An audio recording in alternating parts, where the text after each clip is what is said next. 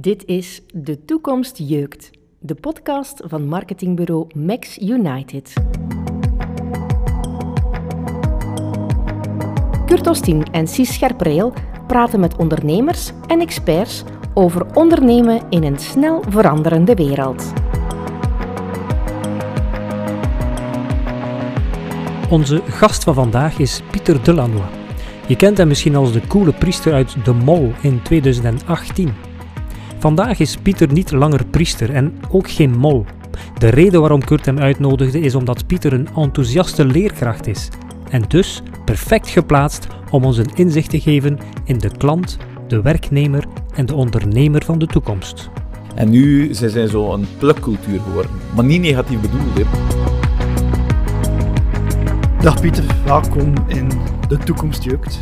Velen zullen je kennen als de priester uit de Mol.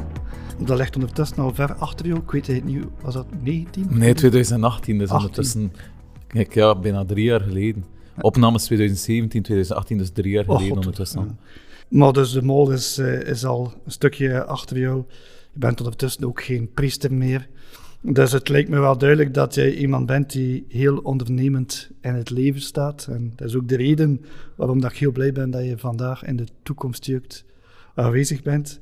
Maar misschien eerst eens de vraag, hoe gaat het met jou? Wat doe je nu eigenlijk? Hoe, hoe gaat het met mij? Oh, ik, vind, dat eigenlijk een lieve vraag. Zo. Eh, het is een vraag die misschien te weinig soms gesteld wordt, maar het, het gaat echt goed met mij. Ja, ik zit gelukkig in het leven, dus dat, eh, dat is wel fijn. Eigenlijk doe ik wat ik al altijd gedaan heb, lesgeven in het Sint-Lodewijks College in eh, Brugge. Aan een zotzalige leeftijd, het derde en het vierde middelbaar. Dat is dan... Dat zijn de rasechte pubers. ja, dat zijn de, de leeftijd waar iedereen thuis een beetje van gruwelt. Dat is zo de leeftijd waar ik met plezier les aan geef. Geschiedenis en godsdienst. De verhalende vakken. Ja. Zo die vakken waarvan iedereen oftewel zegt, die deed ik vroeger heel graag. Of die gewoon eh, uitspuwt. En dus ja, dat is eigenlijk mijn, zo mijn hoofdbezigheid. Hè. Ja. Oh, ik ben blij te horen dat je, dat je heel gelukkig bent, maar ik zag het ook wel zo. Toen ik binnenkwam, zei er is een gelukkige mens die, eh, die binnenkomt.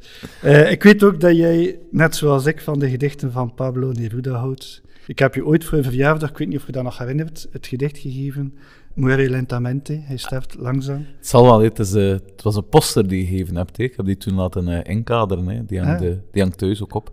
Het is een gedicht die mijn, mijn leerling trouwens verplicht moeten kennen. En het middelbaar begint godsdienst zo'n beetje met zoeken naar... Je wordt nu 16 jaar, hoe zit je een beetje in elkaar? En we hebben zo'n sprokkelhoofdstukje gemaakt rond persoonsvorming. Dat klinkt heel groot, maar het is zo gewoon ik die drie weken lang een beetje mag met hen aan de slag gaan. En dan wat muziek laat proeven, wat, wat taal laat proeven, stukken filmfragmenten heeft. En dan hoop dat ze op basis daarvan een beetje kunnen nadenken van, van wie ben ik en, en als ik zelf zou moeten gaan, mezelf gaan bepalen, welke dingen gebruik ik dan? En daar zit dus dat gedicht van Pablo Neruda ook in. Ik stel voor dat we er eerst even naar luisteren en dan kunnen we er eventjes op verder ingaan. Hij sterft langzaam. Degene die niet reist, degene die niet leest, degene die niet naar muziek luistert, degene die niet door zijn ogen weet te vinden. Hij sterft langzaam. Degene die zijn gevoel van eigenwaarde vernietigt en die nooit hulp of steun vraagt. Hij sterft langzaam. Degene die de slaaf der gewoonte wordt en elke dag dezelfde paden bewandelt en die nooit van mijlpaal verandert. Degene die nooit een risico neemt om de kleur van zijn kleren te veranderen of nooit met een vreemde praat. Hij sterft langzaam. Degene die passie vermijdt met de gepaardgaande wervelwind van emoties, van degene die het licht terug in de ogen brengt en gezonde harten geneest. Hij sterft langzaam, degene die niet van koers durft veranderen als hij ongelukkig is op het werk of in de liefde. Degene die geen risico's durft te nemen om zijn dromen te realiseren. Die niet één keer in zijn leven vlucht van de zoveel gedegen adviezen. Leef nu. Neem vandaag nog het risico. Handel nu. Laat jezelf niet langzaam doodgaan en ontneem jezelf vooral niets om gelukkig te zijn. Hoe noem je dat nu terug? Een sprokkelhoofdstuk? Of? Ja, een, ja, een, sprokkelho Sprokkelmoment? ja, een sprokkelhoofdstukje. Zo. Het, is, eh, eh, het, het, hangt niet helemaal vast aan het leerplan en, en het zit zelf niet echt in lijn. Maar het is een soort van magazine dat ze krijgen van mij, waarin dat er heel veel inputen, impulsen zitten. En waarvan dat ik ook zeg tegen hen van kijk, het, het zijn een, een viertal lessen dat we ermee aan de slag gaan. En ik zie wel wat aanslaat en wat dat niet aanslaat. En, en, en we grasduinen een beetje in, eh, ja, in alles wat ik boeiend vind. Maar ik heb ook even gesprokkeld. En het, ik denk, in dat gedicht kun je eigenlijk tientallen podcasts bij elke zin al gaan vullen. Eh, er was één zinnetje dat mij toch eh, heel bijzonder aansprak. Hij sterft langzaam, diegene die niet van koers durft te veranderen als zij ongelukkig is op het werk of in de liefde. Ik heb nooit het gevoel gehad dat jij ongelukkig was in het werk of de liefde. Het mocht gewoon niet, als priester, denk ik. maar dan de woorden, mocht er geen celibaat zijn, zou je nog steeds priester zijn? Ja, dat denk ik wel. Allee, ik heb het altijd een heel boeiende manier van je leven in te vullen gevonden. Misschien was ik een beetje atypisch in, in het priester zijn, maar ik geloofde heel hard in, in dat sociale engagement, in, in vanuit een inspiratie in het leven staan, er zijn voor mensen en je van daaruit te kunnen inzetten. En het priesterschap is daar een, was en is daar voor een hele zinvolle manier van doen. Moest het celibaat er niet zijn, dan, dan zou ik nog altijd priester zijn. Mis je het dan ook niet nu? Nee, eigenlijk niet. Om, omdat het zalige vind ik, als ik terugkijk op alles wat ik al gedaan heb, en dat is nog niet zoveel, hè, want ik ben ook maar 36, maar als ik erop terugkijk, dan, dan merk ik gewoon dat allee, mijn leven zo een weg gevolgd heeft die maar blijft vooruitgaan. Niet tegenstaande dat ik een aantal zaken gedaan heb die ik al lang niet meer doe en zo, maar het blijft allemaal vooruitgaan en ik, allee, ik blijf met hetzelfde bezig. Want dat sociale engagement en dat bezig zijn met mensen, dat, dat zit in het onderwijs. En toen ik gestopt ben met priester, heb ik besloten om dat voorgangerschap, dat mensen mee op sleeptouw nemen en, en op, op speciale momenten in hun leven en een stuk begeleiden in, in ceremonieën, dat ik dat ook blijf doen. In een, ja, in, een, in een nieuw soort voorgangerschap, maar bemerk eigenlijk als ik daar nu op terugkijk, dat ik behalve het liturgisch voorgaan, zo het, het, vooraan in de kerk staan en, en de mis doen, dat voor de rest eigenlijk mijn leven niet zo heel veel veranderd is. Het heeft een nieuwe noemer gekregen en, en een beetje een nieuwe vorm.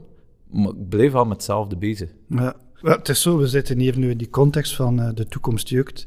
Eh, en wat mij bijzonder wel eh, interesseerde, was dus om te horen van iemand die elke dag met de generatie van de toekomst in contact komt, die daar voor de klas voor staat. We lezen vandaag heel vaak in media, gewone media, sociale media, krijgen een bepaald beeld van de jongeren. Begrijp je dat dat als ondernemer en als werkgever, dat dat niet altijd hoopgevend is wat we daar lezen en horen? Klopt dat eigenlijk? Of, of ja, ik, ik, ik begreep dat wel, hè, omdat de, deze jongeren hebben, hebben allee, een, een bijzonder negatief imago soms. Ehm, alhoewel, ik vind, dat, ik, allee, ik vind dat een moeilijke, omdat ik ook weet dat, ehm, ja, dat de vorige generatie waarschijnlijk op dezelfde manier aankeek tegen, tegen mijn jeugd bijvoorbeeld. Het is altijd de jeugd van tegenwoordig, het is niet meer zoals vroeger. Dus ik vind dat een hele moeilijke om niet in die val te trappen. Maar ik, ik ben het er ook niet mee eens. Allee, er wordt soms gezegd van deze jeugd dat ze eh, low is, dat ze weinig drive hebben, dat ze het allemaal maar over zich laten komen, dat ze soms te weinig zien waar ze naartoe willen. Soms ook dat ze bang zijn. Is dat zo? Is er een bepaalde angst ook om in die grote wereld terecht te komen? Goh, ik, ik denk dat een, een van de moeilijkheden allee, voor hen is waarschijnlijk dat ze heel veel op zich af zien komen.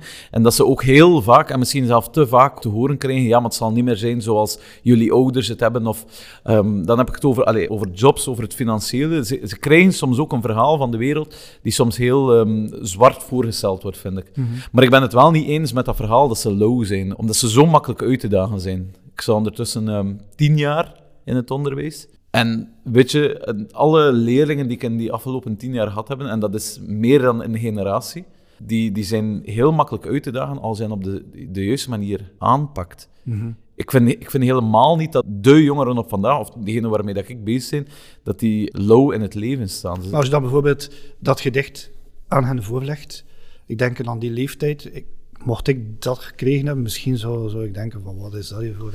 voor ja, het is natuurlijk het is, het is poëzie hè? en, en um, Ik ken het verhaal van Pablo Neruda en de hele achtergrond ook van Zuid-Amerika en alles wat hij meegemaakt heeft en, en waar hij tegenin ging. Dat speelt daar natuurlijk uh, op in. Ik vind mezelf dan zo'n romantische ziel die dat wereldverbeteren voor ogen uh, houdt.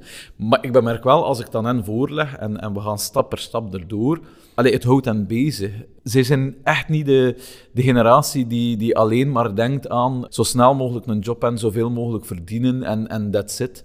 Ze zijn ook bezig met uh, hoe kunnen we die wereld aanpakken, hoe kunnen we um, onze stek daarin verdienen, hoe kunnen we iemand zijn, hoe kunnen we van betekenis zijn. En ik bemerk ook wel dat uh, als je ze op de juiste manier aanpakt en de juiste uitdaging geeft, dat ze ook niet zomaar dat mainstream verhaal willen volgen. Mm.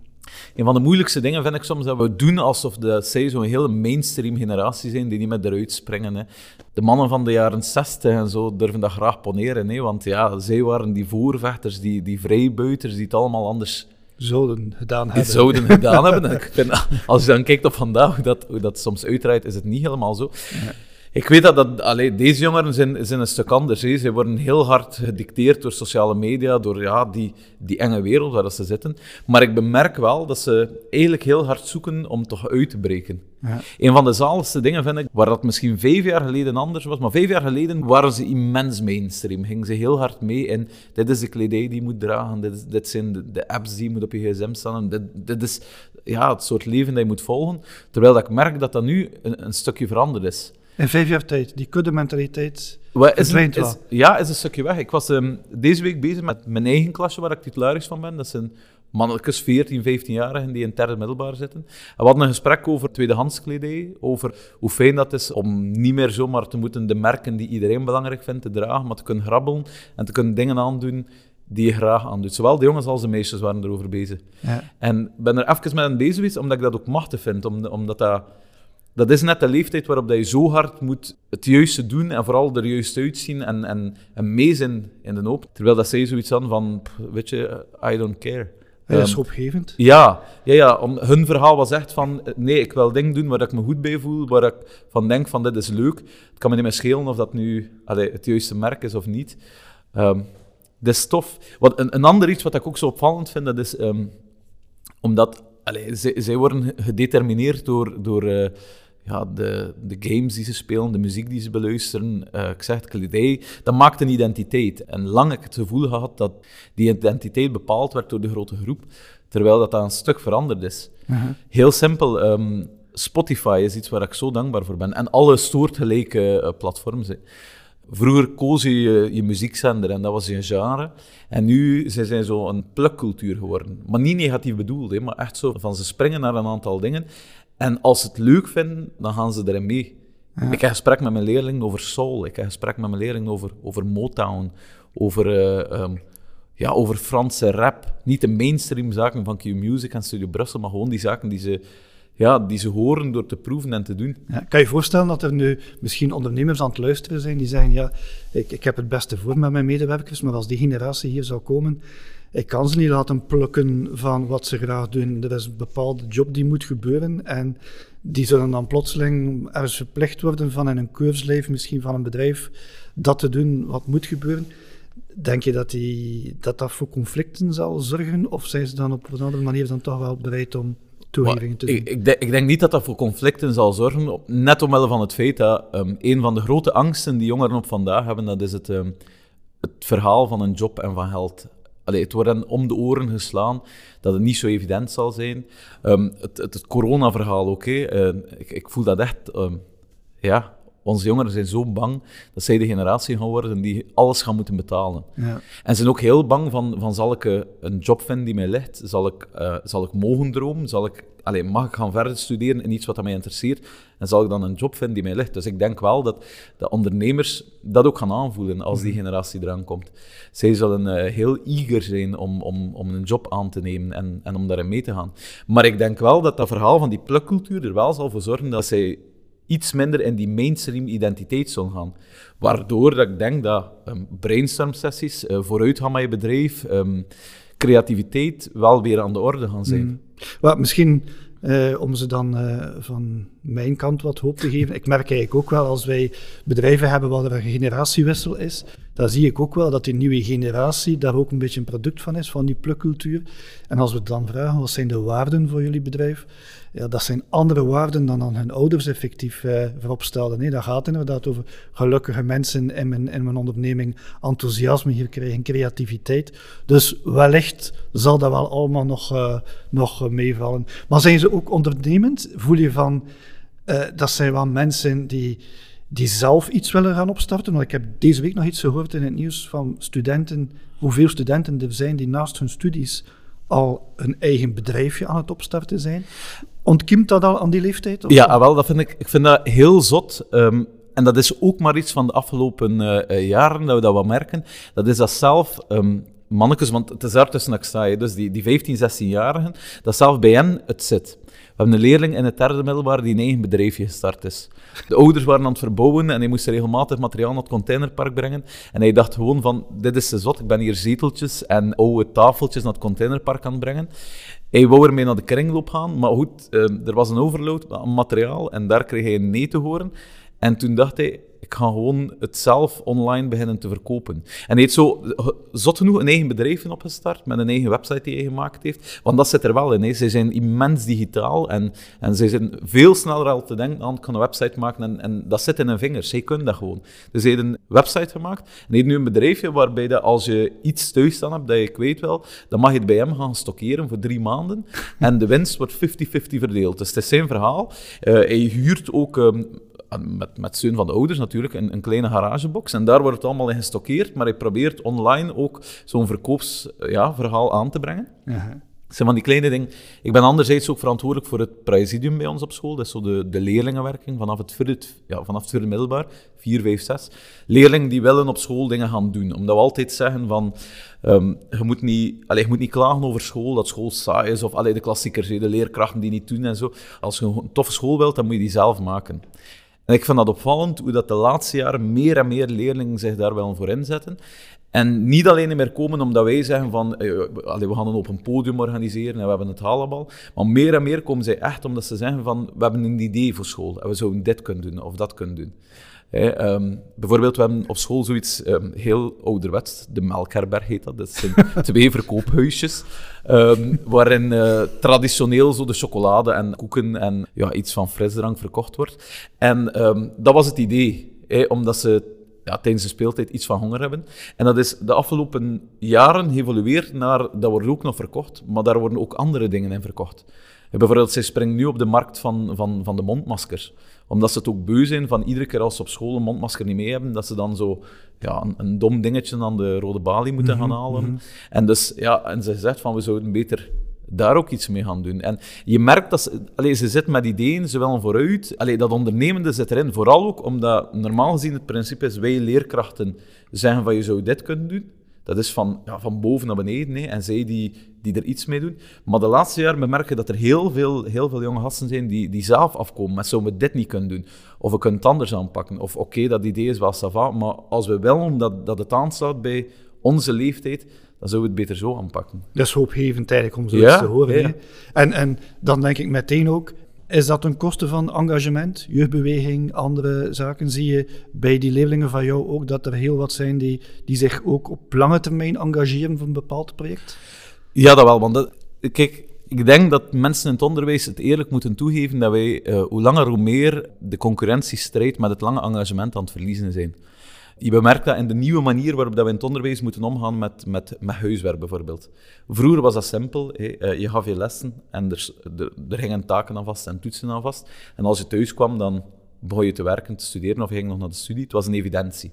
Terwijl dat nu um, is de evidentie eigenlijk dat wat op school gebeurt, is op school. En wat dat daarnaast gebeurt, dat is de vrije tijd, maar ook het engagement. Dus ik vind dat zot gewoon hoeveel van onze leerlingen um, niet alleen in een sportclub zitten, waarbij dat ze heel uh, consequent naar de training gaan en zo. Maar daarnaast ook bijna altijd in een jeugdbeweging zitten of in het jeugdwerk zitten of um, ja, engagementen aangaan. Mm En het is iets wat dat in hun leven immens belangrijk is, bemerk ik. En niet alleen zo die, ja, die korte flirten van in, in het weekend zijn we bezig met, uh, met festivaletjes of met, uh, met op café gaan, maar echt ook met, uh, ik krijg het vaak te horen, ja meneer, Hij kon die opdracht niet maken, want allee, zaterdag was, was match. En dan zondagnamiddag was de jeugdbeweging. En, en in de voormiddag zijn we alles gaan klaarzetten. En, en ik vind als leerkracht, allee, dat is een moeilijkheid. Maar persoonlijk doe ik altijd de oproep van... eh, Mhm. ja, we moeten daar niet tegen opbotsen. Want dit is persoonsvorming. En ik vind het echt zalig dat dat lange engagement er ook nog altijd in zit. Dat zijn niet zo die, die generatie van de fragmentarische antwoorden zijn. Ja, ja. Allee, ik ga er wel bij zijn. ehm, ik bemerk wel dat, dat, dat mijn generatie en alles na mij, het immens lange engagement, dat dat, dat, dat dat voorbij is. In de zin van, we gaan heel snel ons weg gaan verleggen. Het idee van 50 jaar in hetzelfde bedrijf te werken, dat is voorbij. Het idee van eh 20, 30 jaar hetzelfde engagement op te nemen, dat is voorbij. Eigenlijk is dat op zich niet erg. Nee, dat is niet erg, omdat ik begrijp dat mensen zich niet voor vijf jaar aan een stuk willen engageren. En dat heeft soms te maken met de angst of de vraag ook, waar zal ik binnen vijf jaar staan? En vooral het niet per se vast gebetoneerd willen zitten.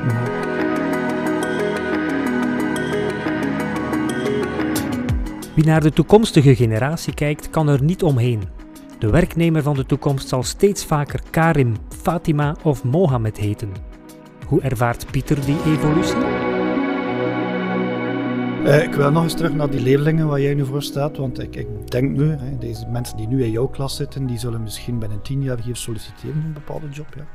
Eh, ik, ik zag eh, onlangs iemand die stage liep om onderwijzer te worden. En hij toonde de, de lijst van de namen die hij in zijn klas zou hebben. Het ging over Latijnse richting. Eh, in één klas was er geen enkele naam die je kon uitspreken. ja, omdat daar duidelijk ook die, die, ja, dat multiculturele was al heel duidelijk af te lezen. Dus oké, meteen terug die reflex. Onze bedrijven zullen er in de toekomst ook zeer kleurrijk uitzien. Is dat in jouw klas ook al zo? Zie je daar die multiculturaliteit moet- of is moet- de witte ja. school zo? Ik moet eerlijk toegeven, onze school is nog altijd een beetje een witte school, maar dat heeft natuurlijk ook te maken met de Brugse toestand. Als ik Brugge vergelijk met Kortrijk, dat is, dat is een immens verschil. Hè. Ehm, en we gaan daar waarschijnlijk ook wel naartoe gaan. Ik heb altijd ervaren dat een verschil een rijkdom betekent. Multiculturaliteit, multireligiositeit, dat is, dat is een rijkdom. Dat is een beetje de, de angst die eh, de katholieke scholen eh te koer ooit had hebben, van, van waar gaan we naartoe als, als het niet alleen meer de, de pure katholieken zijn die op de school zitten. En ik vind, als je dat verhaal evalueert, dan is dat gewoon een rijkdom. eh, omdat deze generatie jongeren inderdaad opgevoed wordt met heel veel verschillende religies, met heel veel verschillende achtergronden. Er zullen uitdagingen zijn, hè, want het zal niet één beeld zijn van je sollicitanten. Hè. Je zult een, een heel gevarieerd beeld krijgen. Maar aan de andere kant denk ik altijd dat hoe gevarieerder het publiek waarmee je kunt samenwerken, hoe diverser, hoe interessanter en hoe, ja, hoe rijker het ook allemaal wordt. Hè. Als je spreekt met collega's die misschien in andere scholen lesgeven, zouden zij hetzelfde verhaal vertellen? Of, of worden zij wel geconfronteerd met moeilijke dilemma's op dat vlak? Ze worden geconfronteerd met moeilijke dilemma's, hè, want, want alles aan verscheidenheid brengt natuurlijk een, een hele race van vraagstukken met zich mee. Het is niet altijd even makkelijk. Hè. Een, een, een katholieke school waar men bijvoorbeeld zegt van we willen de waarden van een dialoogschool, dat is zo'n nieuw concept, uitdragen, waarbij we zeggen van kijk, dit is ons opvoedingsproject en dit is ons religieus project. Ja, die botsen soms met het moslimverhaal of met het Joodse verhaal of, of zelf gewoon met het humanistische verhaal. Het is, het is soms gewoon zoeken. De moeilijkheid zit hem er ook in. Eh, ik heb ook ouders eh, die op oudercontact komen die, die de taal nog niet altijd machtig zijn. En dat maakt communiceren soms moeilijker. Maar ik heb wel al bemerkt dat, en dat is wel altijd wat dat eruit komt, de vraag is, hoe sta je daar tegenover? Scholen die, die per definitie zeggen, we vinden dat moeilijke vraagstukken en we willen die het liefst zo lang mogelijk vermijden, ja, die gaan weg van conflicten, die gaan weg van, van het zoeken en, en leerkrachten die zich daar tegen afzetten, ouders die zich daar tegen afzetten. Maar scholen die bereid zijn om die conflicten te omarmen, of die moeilijke vraagstukken te omarmen en te zeggen van kijk, we gaan als team stappen vooruit zetten en daar antwoorden op zoeken, die, ja, die, die spreken wel als, ehm, ja, god, tien jaar geleden was dat een probleem, maar nu absoluut niet meer. En die vertellen dan gewoon over hoe dat die diversiteit aangepakt geweest is. Ik denk dat veel bedrijven misschien eens moeten gaan praten met mensen uit het onderwijs om te zien hoe dat aangepakt is. Ja, En we ja, daar veel uit leren eigenlijk. Ja, maar ik moet wel zeggen, allee, het, het- ik denk dat het altijd, altijd weer, onderwijs of bedrijfswereld, ehm, afhangt van welke personen eh, in charge zijn en wat dat men wil gaan, gaan doen. Omdat, ik, ja, ik, ik denk, je kan overal zeggen van, ehm, dit is zoals dat we het aanpakken, dit is onze identiteit, dit is waarvoor dat we staan en hier plooien we niet op. Wat een eerlijke mening is. Maar ik denk dat als een vooruit wil naar de toekomst, of dat nu te maken heeft met die multiculturaliteit, of met een, een, een divers publiek van mensen die, die komen werken voor je, of die in je school zitten, um, ofwel ga je voor dat statische verhaal, en dan weet je dat je vroeg of laat botst op een muur, Ofwel ga je voor, dat, ja, voor het dynamische verhaal, wat, mm. wat niet altijd evident zal zijn, hè, maar waarvan ik wel denk dat het uh, immens boeiend is. Zeker als je het op lange termijn gaat bekijken. Pieter houdt van een dynamische aanpak en hij is op zijn manier een ondernemer. In 2012 richtte hij Boeta op. VZ2 Boeta wil Zuid-Afrikaanse kleurlingenjongeren via onderwijs betere kansen geven op een job en dus op een toekomst. Om dit mogelijk te maken startte hij een campagne met een intrigerende naam 22 voor 22. Feite komen we altijd terug op de, essentie van dat gedicht. Hè. Doe iets, leef, onderneem, in plaats van de dingen te ondergaan. Uh, dat brengt mij ook tot een, ja, een andere onderneming uh, die jij ondertussen bent opgestart, Boeta. We vergeten soms hier in België zitten we in, eigenlijk in een heel mooie situatie. Betaalbaar onderwijs, goed onderwijs. Um, jij hebt ook je, je, op een bepaald moment, dat moet je maar eens uitleggen, je zinnen gezet op de situatie in, in Zuid-Afrika. En het project Boeta opgestart. Leg eens uit, waar staat Boeta voor? Hoe ben je daartoe gekomen? Heel kort, toen ik in het uh, zesde middelbaar zat, wou ik iets van de wereld zien. Maar uh, um, om nu echt even mijn, mijn leeftijd te verraden, dat was toen echt de periode waarbij je uh, nog wegtrok richting de andere kant van de wereld en, en waarbij je net een gsm gekregen had. Contacten ook niet zo simpel waren, dus waarbij je even van de aardbol verdwenen was. De momenten dat, als je toen nog belde van aan de andere kant van de wereld, dat je moest een minuutje wachten of iets minder. uh, en de andere kant ook laten uitspreken, omdat het waren nog die tijden. Hè. Maar uh, um, ik wou iets van de wereld zien. Ik was aangegrepen door het, het continent Afrika. En um, via via ben ik terechtgekomen in Kaapstad. Uh, bij de Paters naar Bertijnen, die daar een, een outpost hadden. Bijna aan, aan Kaap de Goede Hoop, dus eigenlijk op een idyllische lege plekje. Maar met daarnaast een kleurlingen township, dus een, een township van geen zwart en geen blanken, maar zo de, de tussengroep, die heel veel armoede kende. En ik ben daar zes weken geweest, um, ik heb een immense wereld leren kennen. Waardoor ik toen ergens besloten heb van uh, hier wil ik regelmatiger komen en, en hier wil ik ook iets voor doen. En na een aantal jaar daar echt elke zomervakantie te verblijven, zijn we met een aantal vrienden op het idee gekomen van ah, ik kan niet blijven lukraak terugkomen en zeggen van ik wil dat gezin helpen, wie wil er daar een keer iets voor doen. We gaan dat gieten in een VZW, een langdurig verhaal. En toen zijn we met Boeta op de proppen gekomen. Waar komt de naam eigenlijk? Ja, Boeta is eigenlijk een nickname die, die in de kleurlingengemeenschappen gegeven wordt aan, aan iemand die zorgt voor een groep. Heel vaak is Boeta zo de, uh, de oudste broer um, binnen een gezin van vijf, zes, zeven kinderen die zo'n klein beetje de taak van de ouders overneemt. Het is een heel lieve term, het is zo een, een, een lieve nickname die gegeven wordt aan iemand waarmee je een band hebt. Hè. Bijvoorbeeld een, een hele goede vriend die, die zorgt voor je, zal heel vaak aangesproken worden met Boeta. Okay. Dus het was een beetje vanuit dat concept. We gaan niet ouderwets, paternalistisch bezig zijn, maar we gaan gewoon vanuit een betrokkenheid proberen om hier en daar een beetje grote broer te gaan spelen. En toen zijn we begonnen met een projectje waarbij we um, op twee poten inzetten. Hè. Enerzijds um, mensen kansen geven door hen te laten studeren, die kans te geven. En anderzijds ook een beetje in te zetten op wat in die township gebeurt. Want we hebben nooit de bedoeling gehad om nieuwe dingen te gaan uitvinden.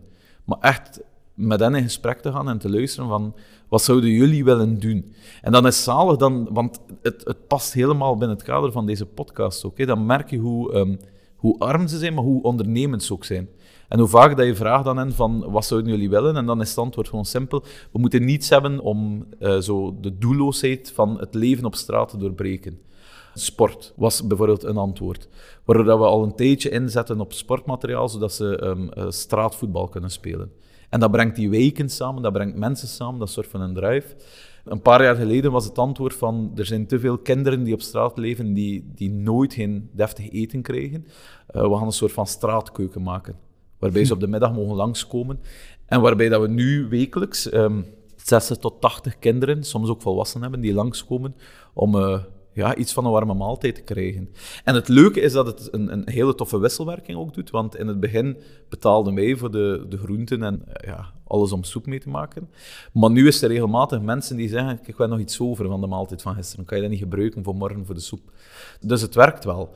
Onze studenten, zeker de begeleiders van de studenten, zeiden op een bepaald moment van allemaal goed en wel dat zij een beurs krijgen van jullie, maar er moet een wederkerigheid zijn iets waar wij niet echt een antwoord op konden bieden. En waarbij zij heel snel afkwamen met de. Um, we laten hem bijles geven in de bibliotheek op zaterdag voormiddag of tijdens de schoolvakanties voor leerlingen uit het middelbaar of het lager die een aantal zaken niet mee hebben. Dat ze vooruit raken. En dat ze vooral ook voorbeelden zien. Dat ze weten van, dit is waarom dat we het doen. Mm Vorig jaar, denk ik, ben je met de campagne gestart 22 voor 22. Met als droom om tegen het jaar 2022 eigenlijk uh, op permanente basis 22 van die mensen te kunnen laten studeren. Ja, dat klopt. Hoe ver staat het? Uh... Het loopt, het loopt goed. Corona heeft natuurlijk een beetje roet in het eten gesmeten, omdat um, ja, zowat alle uh, sociale verenigingen voelen dat inzamelacties niet zo makkelijk zijn. En omdat het daar ter plekke in Zuid-Afrika ook uh, echt stil ligt. Hè. Um, dat komt weinig in het nieuws, maar Zuid-Afrika is heel hard het slachtoffer geworden van corona. Was het land, het, het land met het meeste aantal coronabesmettingen in, in het volledige Afrikaanse continent. En alles ligt daar ook plat. Dus uh, zij zitten nog altijd in een, in een lockdown. Dat stilaan naar het einde, maar dat wil dus zeggen, de universiteit gaat niet vooruit. Dus we zitten een klein beetje op, op een hold daar. Maar het knappe is wel dat, dat het heel eenvoudige concept, 22 studenten tegen 2022, dat dat werkt. En dat we dus van, van een achttal studenten drie jaar geleden nu ondertussen aan 16 studenten ah, zitten. Oké. Ja, het gaat vooruit. Dus die 22 zou kunnen gehaald worden? Het zou kunnen gehaald Als er nu luisteraars zijn die... Ja, die zeggen, ik, ik heb ergens nog wat geld overliggen waar ik niet van weet wat ik moet doen. Of die zeggen van, uh, weet je wat, het gaat mijzelf niet eens over geld, maar als we er gezicht kunnen op plakken, wij willen eigenlijk wel een student volgen. Wat kost eigenlijk iemand die daar nu wil studeren, die, die waarvan jij voelt van, uh, of, of, mensen van Boeta voelen, die heeft het in zich, hè, die, die heeft de capaciteiten om, om hogere studies te doen. Wat kost dat daar dan om iemand... Uh, Wel, het is, een, het is een klein beetje afhankelijk om, omwille van het feit dat zij niet zoals wij in het middelbaar ASO, BSO, TSO hebben. Dus dat wil zeggen, als je een technische studie wil gaan doen, dan moet je sowieso dat doen na je middelbare schoolcarrière. Dus dat maakt een klein beetje het verschil, maar een technisch student, iemand die een stil wil leren, en heel goed begeleid wordt en zo, die kost ongeveer 500 euro per jaar. En we spreken over altijd van bedragen, spreken we all in. Dus het aankopen van boeken, studiegeld betalen, uh, vervoer naar de campus en terug. Daar spreken we over 500 euro per jaar. Een uh, student die echt een universitaire opleiding wil volgen, drie jaar opleiding is dan in Zuid-Afrika, dan spreken we rond de 1500 euro tot de 2000 euro, zoiets, all in. Ja, ja. Eigenlijk een, een betaalbaar verhaal als ik zelf vergelijk met wat studenten uh, hier al kosten. Absoluut, ja. Dat is... en, en, een zinvolle investering, denk ik. Want dromen die, die, die jongens dan niet, of die jongens en meisjes, dan niet om eenmaal ze dat diploma hebben, meteen het vliegtuig te nemen naar Europa of Amerika? En wel, nee, eigenlijk niet. We zijn, we zijn in het begin zo'n beetje bang geweest dat het um, zo een druppel op een hete plaat ging worden. Dat het verhaal ging zijn van, we, we geven iemand een, een, een diploma, als hij er heel goed voor werkt. Wat, by the way, wel een leuke is, omdat nog geen enkele student van de opleiding ooit uitgevallen is. Ze hebben allemaal een diploma behaald, dus ik vind dat wel zot, maar dat is omdat die, die drijvende kracht erachter zit. Maar we waren bang dat, um, dat ze daarna gingen zeggen van nu dat we een deftig diploma hebben, trekken we weg uit de township, gaan we richting Kaapstad, gaan we richting Johannesburg of misschien zelf het buitenland, omdat die mogelijkheden er liggen. Maar zij, zij maken heel hard een klik van um, ik heb dit kunnen doen en dus wil ik nu dat, dat mijn gezin, dat mijn familie ervan mee profiteert. Of zelfs nog zotter, we hebben, uh, we hebben een aantal studenten die um, lerarenopleiding zijn gaan volgen, die ondertussen um, in de lagere school of in de middelbare school van Ocean View lesgeven. Vooral vanuit het gevoel van, kijk, wij hebben nooit de beste opleiding gekregen, om, om, ja, omdat scholen, scholen moeten zelf een leerkrachten betalen. Dus als je in een arme week zit, ja, dan, dan heb je amper inkomsten en kun je dus bijna geen goede leerkrachten betalen. En vanuit die reflex hebben we ondertussen vier studenten die gewoon teruggekeerd zijn en gezegd hebben, we gaan, we gaan in onze eigen township aan de slag gaan. Ja, heel mooi verhaal natuurlijk. Hè. Ik kan me voorstellen dat er nu toch wel mensen zijn die dit verhaal ook mee willen steunen. Waar kunnen ze terecht? Eigenlijk simpelweg op de website www.boeta.be en Boeta is B-O-E-T-A.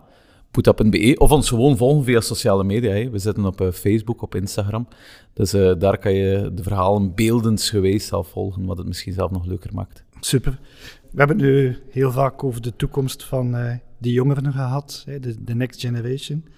Maar als ik aan jou de vraag stel, de toekomst jeugd, hoe zie jij jouw toekomst?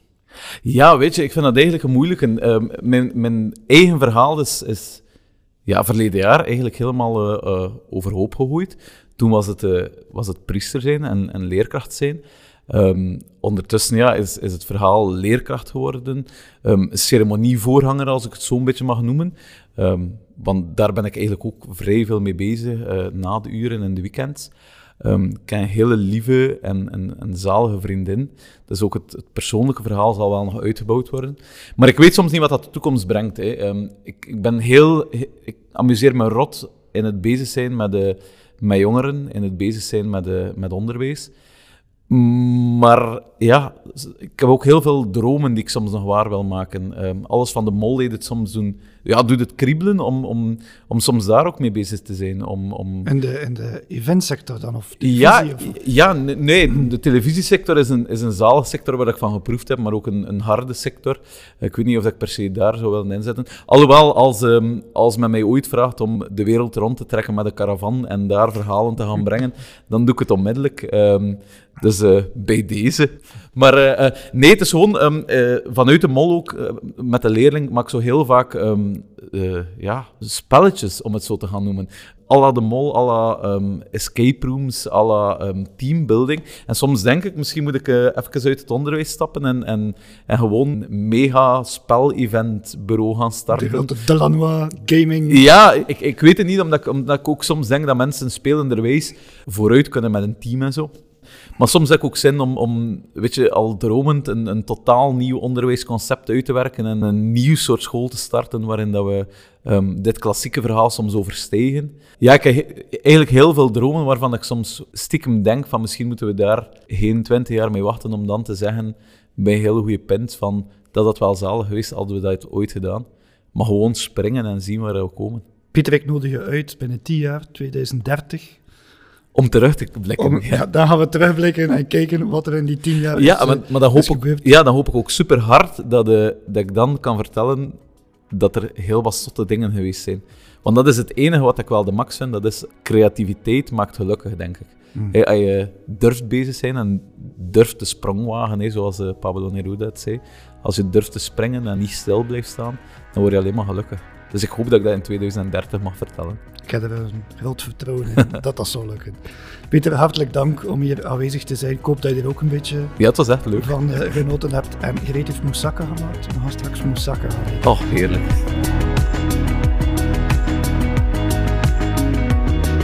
Pieter is niet van plan langzaam te sterven. Maar hoe zit dat bij jou? En jouw bedrijf? Durf jij met open vizier naar de toekomst kijken? Ben je iemand die liever ondergaat of onderneemt? Durf je voldoende handelen? Daar peilen we graag met jou naar tijdens een klankbordsessie in onze Max Loft.